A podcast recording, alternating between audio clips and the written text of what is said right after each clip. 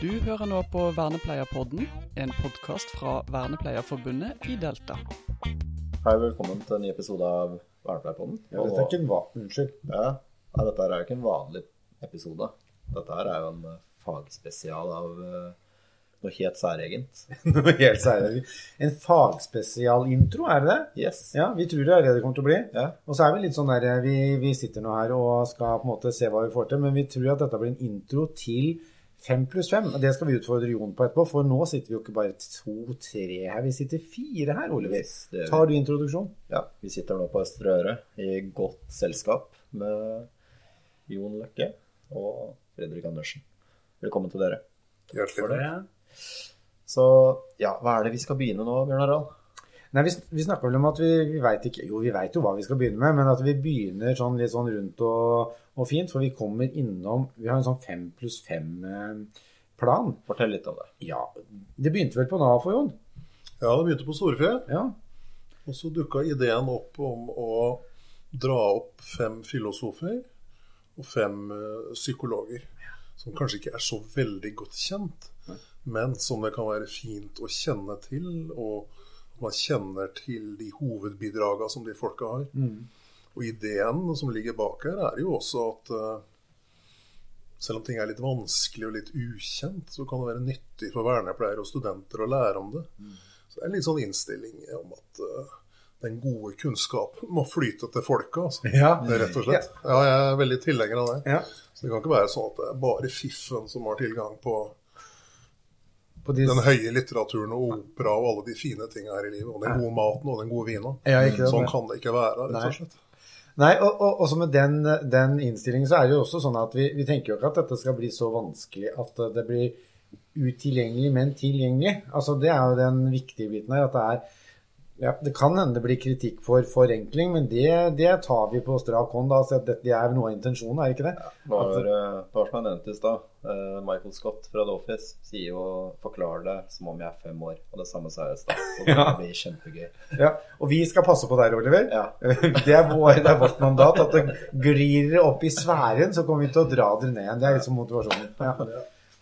Eh, For det var også sånn at vi tenkte, så, så det kommer. Dette er en sånn introepisode til da fem pluss fem. Fem filosofer pluss eh, fem ja, psykologiteoretikere. Er det riktig? Ja. Ja, eller retninger. Retning, ja. og folk. ja. Men så begynte, jeg vi, vi fant vel ut at vi skulle snakke litt om teori og praksis. For det er på en måte en sånn derre overbygning her. Eh, kanskje. Kanskje det er en overbygning. Fordi at eh, hva er riktig? Er det teori eller praksis? Nå ser jeg på filosofen. Eh, hva er riktig? Er det teori eller praksis som er riktig? Ja, det, det er, jeg får gi et ordentlig filosofsvar. da, at Jeg tror at vi må passe på at eh, når vi setter opp sånne skiller, klare skiller mellom teori og praksis, så må vi følge litt med en gang imellom på uh, hvor klare er de skillene egentlig. Eh, så uh, vi tenker jo gjerne at liksom, teori det er sånne abstrakte greier som eksisterer litt sånn for seg sjæl, mens praksis det er det som egentlig skjer. Og når da praksis og teori ikke stemmer, så snakker vi gjerne om dårlig teori. Eh, eller teorien er virkelighetsfjern, eller det er bare sånne skrivebordstenkere. Som filosof så er jo det en får nesten før en har gått ut døra på morgenen. Ja. Men eh, er, er det det virkelige forholdet mellom teori og praksis? Er det lov å spørre seg. Er det f.eks. går an å tenke seg at det fins teorifri praksis? Ja, ja, på det svaret så vil jo jeg si nei da. Nei. Nei, det går ikke. Jeg kan bygge mine egne teorier gjennom erfaring, f.eks. Mm. Eh, Fordelen med teori i en litt mer sånn akademisk forstand, da, det er jo at jeg må skrive ned hva de teoriene er for noe. Og jeg må svare når folk spør meg om ting de syns er galt med de teoriene. Mm. Den på en måte debattdelen der, det å si noe offentlig, redegjøre for det, forsvare det mot eventuelle angrep, potensielt endre det underveis. Hvis jeg derimot bare bygger teorien min ut fra min egne, egen personlige erfaring, så gjør jeg ingenting av det der. Eh, Så egentlig, det, det valget du har, som er litt sånn vanlig å si Som en av de filosofene jeg eh, skal snakke om, som heter Rani Lill Anjum, som er på NMBU i Ås Ja. En av de tingene hun poengterer ganske ofte, er at valget er ikke mellom uh, teori og ikke-teori. Valget er mellom bra teori, som er diskutert, eller dårlig, blind bruk av teori. hvor den som utøver praksisen, kanskje ikke engang ser sjøl at de jobber ut ifra et sett med teori som kanskje til og med er dårlig og sjølmotsigende og problematisk. da. Så det er jo noe med at i den forstand så er i hvert fall funksjonen til litt mer sånn ryddig teori er jo nettopp å rydde opp. ikke sant? Vi går jo rundt og tror på ting som uh, til tider er helt høl i huet. Ja. Og det er jo da teorier som vi har, som styrer åssen vi oppfører oss. Og det teoriutvikling gjør, er å gi oss en mulighet sant? til å åpne opp muligheten for å se på verden og da vår egen praksis på en annen og kanskje bedre måte. Så det er det som er litt sånn målet nå. Det er ikke sikkert det blir revolusjon i hvert eneste hue som hører på disse fem, fem pluss fem, men, men litt sånn at vi åpner opp. det Er jo litt sånn, er ikke det litt sånn fin inngang da? At det er liksom motivasjonen for å åpne opp litt, for å undre seg mer? For, for jeg tenkte på det når du sa at jeg, jeg tror jeg var flinkere til det jeg, rett etter at jeg var ferdig student. at eh, og kanskje mens jeg var student også, at eh, hvorfor gjør jeg som jeg gjør? Å ha den litt sånn Og det, det, det kom jeg på når du sa det nå, at det kanskje være litt flinkere til det enn jeg kanskje er for tida. Sånn noen sier det at du skal kunne, det du skal kunne drive med, skal du kunne forsvare i VG, liksom. Men, men ikke sånn forklare. Men samtidig, hvorfor gjør jeg det jeg gjør nå? Hvorfor underviser jeg sånn? Hvorfor, hvorfor eh, Hvorfor eh, type behandler jeg, eller, eller, eller har jeg den atferden jeg har? Det, og det er jo litt sånn der, den undringa, og da kunne egentlig også teoretisere om det. Altså hvor har jeg den teorien fra? Det er jo den prosessen vi heier fram, er det ikke det? eller? Jo, og så er det noe med uh, Hvis du tror veldig hardt på en måte å undervise på, da, f.eks. Ja. Ja. Har du ikke lyst til å være sikker på at det er bedre? Eller mer sikker på at det er bedre? Jo. Ja, Åssen skal du vite det? Ja. Den beste måten, etter mitt syn, er å lese de beste motargumentene. Og se åssen de funker. Ja. Og da må du på en måte ta deg tida til det, da. Og noen ganger så blir teoretiske debatter ekstremt teoretiske. Noen ganger må de bli det. Ja. Men det er noe med Vi må slutte å leve i en illusjon om at vi jobber teorifritt, eller at vi på en måte når vi er veldig erfaringsbaserte, at vi da er på en måte litt sånn fritatt fra ideologi, og at vi ikke har blitt fanga i et eller annet sånn disiplinært rammeverk eller sånn. Og det, det er helt motsatt av det som skjer. Det er ingen som er mer offer for type dogmatikk og, å bli fanga av ideologi, enn dem som tror at de ikke driver med ideologi. ja, det er vel et veldig godt poeng. For det er den klassiske, ikke sant? At Ja. Den, det argumentet der er ideologisk. Ja. Mens vårt argument, nei, det er sannheten. det, det er, Ja. ikke sant? Ja. Bare kom på en ting nå når du preka, Fredrik. Det var en sosialpsykolog som heter Kurt Lerin, Ja. som drev med feltstudier. Og han hadde jo en sånn saying om at ingenting er så praktisk som en god teori. Og så kom jeg på at når, når du nå preika, så er det jo noe med begrepet teori som folk bruker litt forskjellig. Noen ganger så sier folk at nei, det er bare en teori. Altså i betydningen ren spekulasjon. ja. Så det kan være grunn til å rydde opp i det. Altså Teorier er jo innimellom nettverk av begreper som henger sammen. Det er tenkt grundig gjennom det. Noen ganger så er det jo sånn at de begrepene er støtta opp av nettopp erfaring. Ja, ja, ja. Eh, akkurat det vi er inne på nå, det er skillet mellom begreper og, og verden, for å si det sånn, det er jo noe av det som tok eh, tak i Freud, annet. Og noe av det jeg skal preike om etterpå, er jo tre-fire psykologer som i utgangspunktet var freudianere. Men så fant de ut at uh, praksis stemte jo ikke. Nei, Nei, de holdt, de holdt, begrepene holdt ikke, rett og slett. nei. Men, Sånn er det jo noen ganger, men det betyr jo ikke at, at Freuds teorier var ren spekulasjon.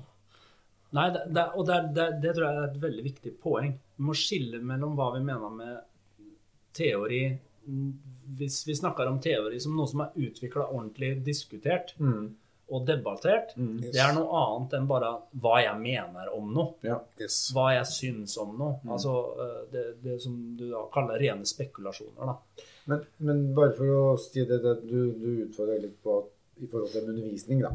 Ja. Eller annen type miljøterapeutisk arbeid, så, så tenker jeg at det, det fordrer jo Eller det er kanskje et spørsmålstegn bak det, men det fordrer jo at du har en viss sånn faglig trygghet på at oi, jeg, jeg kan kanskje gjøre ting bedre hvis jeg faktisk vrir på noe. Så jeg tror det der å på en måte få en sånn jobbe for at eh, det er positivt å, å endre Det er jo sånn Det er jo ikke alle miljøer det er det. Det er jo en sånn dogmemiljøer der vi på en måte her gjør vi det sånn. Så det er på en måte åpne opp for at eh, det å utvikle ny praksis, det å på en måte forske, det å, å ta data, det å bli klokere, eh, at det, er, eh, at det er spennende og bra i miljøene, det tror jeg er noe av Det tror jeg vi må ha som et mål, altså. Ja, og jeg vil gå hardere til verks. Altså, for det første, så jeg kjenner igjen den der Jeg har jobba en del også på fabrikk og som verkstedkall og sånn, og den der sånn har vi gjort det i 30 år, har jeg jo hørt mange ganger. Ja. Ja. Ja. Men da, Kanskje dere har gjort feil i 30 år, da? Må vi gjøre noe med det? ja. Det er fint å gjøre det bra da i de fem siste. Ja, syns du ikke det? Jobber, jo. Ja, Og det andre er jo altså, Det er jo ikke bare sånn at det er Altså, jeg er enig med deg, det er gøy og spennende og interessant å utvikle seg. Mm. Men det er jo også en knalltydelig moralsk forpliktelse. Hva er det vi driver med hvis vi jobber som vernepleiere hjemme hos folk og står på en måte ansvarlig for mulighetene de folka har for å ha en ålreit livskvalitet, men jeg gidder ikke å lese? Så jeg gjør et eller annet dårlige greier fordi jeg ikke Eller jeg vet ikke om det jeg gjør er bra eller dårlig. Jeg har noen erfaringer som tilsier noen greier, men jeg gidder ikke å sette meg ned og lese noen uh, tilgjengelige fagartikler eller noen, uh, noen teori om det jeg driver med. Så folk får bare ha det sånn som de har det. Liksom, er det en holdbar posisjon å ha? Altså, jeg, jeg tenker, hva, Det er liksom hva er det vi driver med, da? Og det vi driver med, er å fikle inn i livet til folk. Ja, da må du gjøre det ordentlig. Nå pusta du inn, og da er det en mulighet for andre til å si noe. Jeg sitter og følger med på at du puster inn. Ja, du kommer ikke til sånn Nei, du kommer ikke til uten videre. Og det som slo meg, er jo denne studien eh, som viser at det mangler 20 000 vernepleiere. Ja. Og det har jo med det dere snakker om nå, altså hvordan eh, vi prater om teori i utdanninga. Så det er klart at eh, skal vi få med de 20 000, så vil det være en stor andel som da er interessert i praksis, og som syns det er en fin type jobb, men ikke nødvendigvis er så glad i teori. Det betyr jo at vi må tilpasse måten vi snakker på. Sånn så litt avanserte ting, nyttige ting, men avanserte ting blir spiselige og ordentlige. Dette er en av de største utfordringene i vernepleieutdanninga framover. Dersom vi skal få til det løftet med 20 000. Og ja, det, det er et veldig godt poeng, men da tenker jeg ikke bare utdanninga, men også trygge de som da blir ferdigutdanna og er ferdigutdanna, til å bli mer nysgjerrig, til å oppleve at det å tilegne seg teori faktisk gir meg en bedre og mer spennende jobb. Så det er jo liksom ikke ja, jeg, Vi kasta jo ut ansvaret til dere som driver og utdanner nye vernepleiere, men det handla jo også litt om, om der kanskje Oliver og jeg er i, i på en måte i, i, i praksis. I, der må vi også endre for at det blir mer spennende å være og leke, leke med. Høres kanskje feil ut, men ja, det skal oppleves litt som lek og teori, sa det ikke det? Men eh, du sier spennende, men faget skal også være, kan være gøy. Ja. Det må være gøy å lære, og det å lære bort. Ja. Og da spesielt på arbeidsplasser og sånne ting òg, da. Så det er jo et av de der innspillene, både til å utdanne disse nye 20 000, men også til å få- dem til å kose seg i faget, da.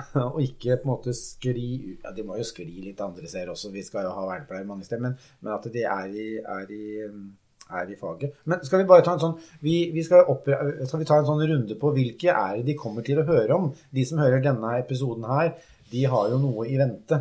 Det ligger enda mer der framme. Eh, hva skal de høre om? Hvem er det du har liksom satt på blokka, Fredrik? Jo, jeg har på blokka først eh, Ja, jeg vet ikke rekkefølga vi tar i, da. Neida. Men eh, eh, tenker jeg, da kan jeg si hvem jeg skal snakke om. Også en ekstremgrov beskrivelse av hva jeg skal snakke om. Ja, én setning litt- eller kanskje to? Ja, ikke sant. Ja. Ja. Så eh, en av dem jeg har lyst til å snakke om, er eh, Rani Lill Anjum på NMBU. Eh, hun, har en, eh, hun fronter en årsaksteori som vi kanskje ikke er så vant til, men som vi etter all sannsynlighet kommer til å kjenne igjen ganske godt i det vi faktisk driver med. Eh, og det har noe å si for modellering og sånn. Uh, og Seneca, som er en gammel klassiker, gammel dau gubbe, som de fleste snakker om i filosofien, Ja. uh, som snakker om forholdet mellom emosjonelle impulser og uh, atferd og rasjonalitet. Og stikker opp det på en måte som kanskje er litt uvant.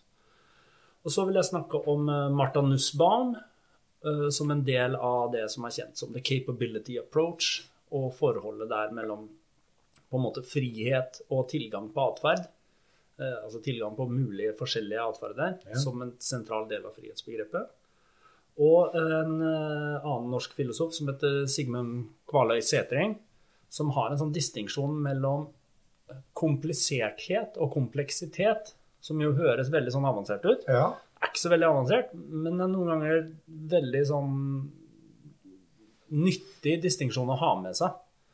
Eh, Og til slutt da litt om eh, Nietzsche, som snakker om, jeg syns, viktige deler av det å være menneske, og problemet med at vi lever i en tradisjon som prøver å late som de delene ikke er der. Kanskje jeg skjønner Nietzsche litt bedre, da? Etter den episoden? Eller verre. Eller verre.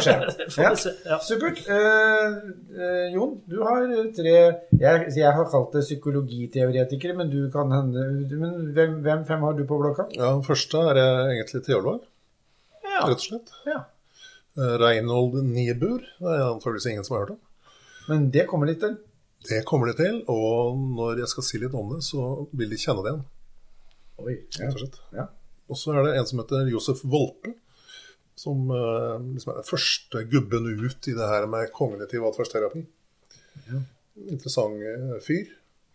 Og så er det en som heter Beck, Aron Beck, som daua 1.11. i år. ja. Som er opphavsmannen til kognitiv atferdsterapi, altså den kognitive biten av det. Og så er det en som heter Ellis, som uh, lever fortsatt, tror jeg. Eh, opptatt av bl.a. humor i terapi. Det er forferdelig interessant, ja. eh, rett og slett. Og veldig mange bruker det nok uten at de kanskje er så bevisst på at det er en. Ja, kanskje. Jeg vet ikke. Vi får høre. Ja, og noen uh, syns jo det er eh, over kanten, og at det ikke skal gjøres. Og Ja. min generelle oppfatning og synsing er jo at akademia etter hvert er blitt så sjølhøytidelig. Så det er helt håpløst, Mhm. Rett og slett. Så det er ikke lov å tulle og tøyse lenger. Det er jeg glad for å høre. Ja, Men det er jo ikke poeng å fortelle til folk hva de blir glad for. Det må være sant. Det er det viktigste. Mhm. Mhm. Ja, det bør ha noe å si. Og så tenkte jeg å knytte det her sammen med stoisisme. Stoisisme. Ja. Ja. Så det er løypa. Ja, Ja. kanskje. Det er løypa. Dette kan, de, kan dere som hører på nå, det kan dere kose dere med i jula. Men dere kommer jo til å bli liggende etterpå, så dere kan høre på det akkurat når som helst. Men det er julegaven fra Vernepleierpodden. God jul. Ja. Fint. Lander vi ut eh, denne episoden av, så da har man eh, en liten sånn intro, har vi det? Ja, da har vi en liten intro på hva kommer i småsnutter utover. Dette er litt sånn der instant, eh, er det ikke det? Innpakka, litt sånn komprimerte småepisoder. Mm. Du har nå hørt på Vernepleierpodden, en podkast fra Vernepleierforbundet i Delta.